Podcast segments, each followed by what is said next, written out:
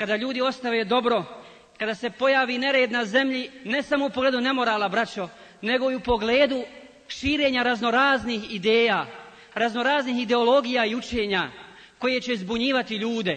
Pa ljudi neće znati, kako kaže Resul s.a.v. u hadisu, kojega smo mi često puta citirali na našim predavanjima i hutbama, ni najpametniji se neće moći snaći.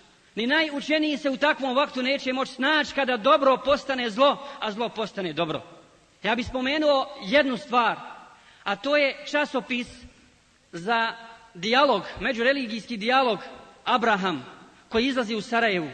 Vjerovatno većina muslimana ne prati to i ne treba da prati, nije to za nas bitno. Ali je bitno to što se u tom časopisu, što u tom časopisu objavljuju zajedno krstaši Allahovi neprijatelji, oni koji Allahu širk čine i koji na jednoj stranici, zamislite, pišu o tome njihovi sveštenici, njihovi učenjaci, recimo teksti Kide i kažu mi moramo ustrajati na pozivanju u vraćanju našem Bogu Isusu Kristu.